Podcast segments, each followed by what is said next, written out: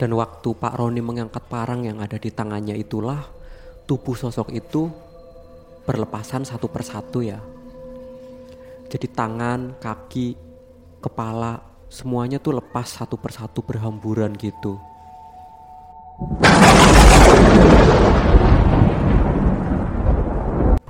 Yo prokonco Podo rungokno. Aku duwe carita.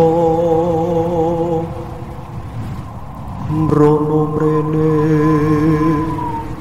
ono mati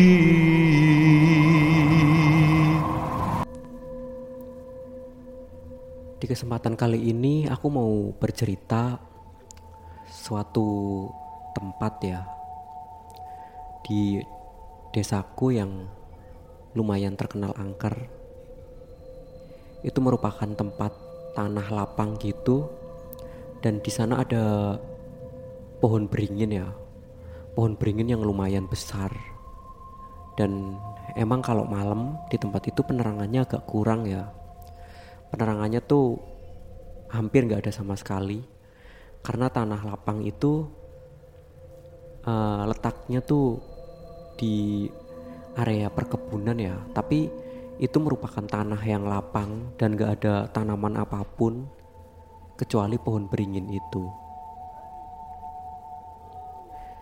Tapi walaupun tanah itu tuh letaknya di daerah perkebunan gitu ya di dekat situ tuh ada satu jalan sebenarnya bukan jalan yang bisa dibilang besar sih. Itu cukup dilewati satu mobil lah kayak gang gitu ya. Tapi uh, bukan aspal itu pepatuan dan itu bener-bener kalau malam tuh gelap banget. Hampir nggak ada sama sekali yang berani lewat ke situ. Di pohon beringin yang ada di tengah tanah lapang itu udah terkenal banget akan keangkerannya. Warga tuh hampir semuanya udah pada tahu ya kalau di sana tuh banyak banget penghuninya. Jadi semua warga tuh nggak mau ya di tempat itu sampai malam gitu, terutama warga-warga yang emang kebunnya tuh ada di situ, tanahnya tuh ada di situ. Tapi berbeda ya dengan yang dialami sama Pak Roni. Hari itu Pak Roni lagi memanen singkong ya. Lagi memanen singkong gitu karena tanah Pak Roni itu ditanami kebun singkong yang lumayan luas sih. Dan biasanya hasil panen singkongnya tuh dijual ke kota ya buat dibikin keripik singkong gitu jadi sore itu Pak Roni pergi ke kebun udah hampir maghrib.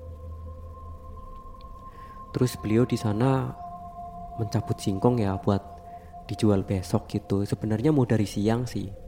Tapi karena dari siang ada sesuatu gitu ya, ada kegiatan yang emang harus dikerjakan.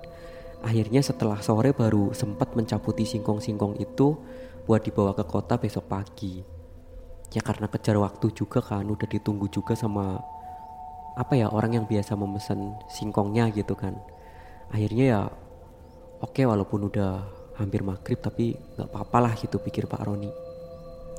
Sebenarnya beliau bukannya nggak takut sih ya. Beliau tuh takut tapi ya gimana lagi gitu kan. Daripada orang yang biasa mesen harus kecewa gitu. Pak Roni tiba di kebun itu sekitar jam setengah lima sore ya.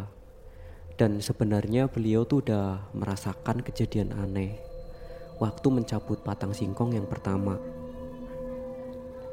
jadi waktu beliau mencabut pohon singkong itu itu yang tercabut bukannya singkong ya di dalam tanah.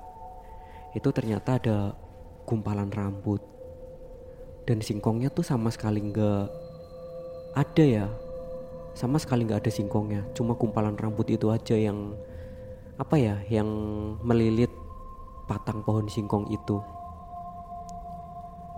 Sama sekali nggak ada akar padahal pohonnya ya biasa ya seger hidup gitu.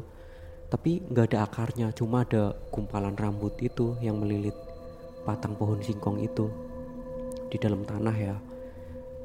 Dan Pak Roni masih coba buat bertahan gitu ya karena ini bener-bener mendesak banget gitu kan. Jadi beliau tuh bener-bener bertahan. Tapi nggak lama kemudian beliau tuh mendengar ada seseorang yang memanggil namanya ya. Itu sumber suaranya dari pohon beringin yang terkenal angker itu. Kalau jarak pohon beringin dari kebun Pak Roni itu sekitar 50 meter ya, jadi lumayan jauh, tapi kelihatan jelas gitu. Karena di samping kebun Pak Roni itu nggak ada apa pagar tanaman atau apa gitu ya yang buat membatasi antara kebun Pak Roni dan tanah lapang itu. Jadi langsung aja gitu nggak ada batasnya gitu. Jadi kalau dari kebun singkong itu ya ngelihat ke pohon beringin itu bener-bener jelas banget. Kecuali kalau kita masuk jauh ke dalam perkebunan singkong gitu ya ke tengah-tengah perkebunan singkong itu baru pohon beringin itu nggak kelihatan karena ketutup sama pohon-pohon singkong. Tapi sore itu Pak Roni masih di pinggiran perkebunan ya masih mencabuti singkong-singkong yang ada di pinggir perkebunan gitu. Jadi ya beliau tuh bisa ngelihat jelas banget ke arah pohon beringin itu ya. Dan waktu beliau denger ada yang manggil-manggil gitu beliau tuh langsung menoleh ya. Dan ternyata di sana ada sosok orang yang lagi berdiri sambil melambaikan tangan ke arah Pak Roni tapi Pak Roni ngerasa heran ya. Herannya tuh apa? Orang itu tuh kelihatan hitam banget. Seluruh tubuhnya tuh hitam banget. Tapi kan karena jauh gitu ya, jadi nggak terlalu jelas gitu kan itu sosok siapa gitu kan. Karena ya itu tadi jaraknya yang lumayan jauh gitu ya. Akhirnya Pak Roni kan penasaran. Beliau ngambil parangnya yang ada yang tergeletak di tanah ya, terus beliau tuh langsung menghampiri orang itu gitu. Nah saat Pak Roni udah dekat, mungkin jaraknya udah sekitar 5 atau 6 meter ya dari orang itu, itu Pak Roni baru ngeliat jelas banget kalau sosok itu tuh merupakan seseorang yang sekujur tubuhnya itu membusuk. Jadi kayak apa ya kayak orang yang udah meninggal berhari-hari gitu ya jadi sekujur tubuhnya tuh membengkak dan membusuk gitu. Lihat kayak gitu Pak Roni tahu kan kalau itu tuh sosok yang mau mengganggunya gitu. Akhirnya Pak Roni tuh mengancamkan parangnya ke arah sosok itu.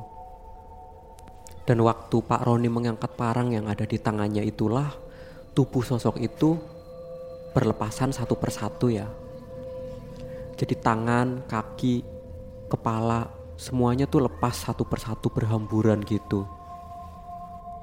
Jadi lihat kayak gitu Pak Roni tuh langsung mengangkat parangnya sambil mengeluarkan kalimat ancaman ya. Pergi kamu jangan mengganggu orang yang lagi bekerja gitu. Tapi beliau tuh mengucapkannya pakai bahasa Jawa ya. Lu nggak kowe rasa ganggu wong sing lagi nyambet gawe gitu. Dan begitu sosok itu tubuhnya berhamburan, Pak Roni langsung berlari menghindar kan tahu ada sesuatu yang bener-bener amat gak beres gitu. Dan akhirnya sore itu juga Pak Ron itu langsung lari pulang dan menceritakan apa yang dilihatnya sama istrinya ya. Dan semenjak itu Pak Roni bener-bener gak berani berada di kebun kalau hari itu menjelang sore. Bahkan kalau udah menjelang tengah hari aja Pak Roni gak berani berada di kebun ya mengingat di sana tuh ada sosok yang benar-benar asli menunjukkan eksistensinya banget gitu. Nah kurang lebih seperti itu ya teman-teman semua cerita dari aku di kesempatan kali ini. Mohon maaf kalau ceritanya kurang seram terus kalau ceritanya terlalu pendek gitu ya.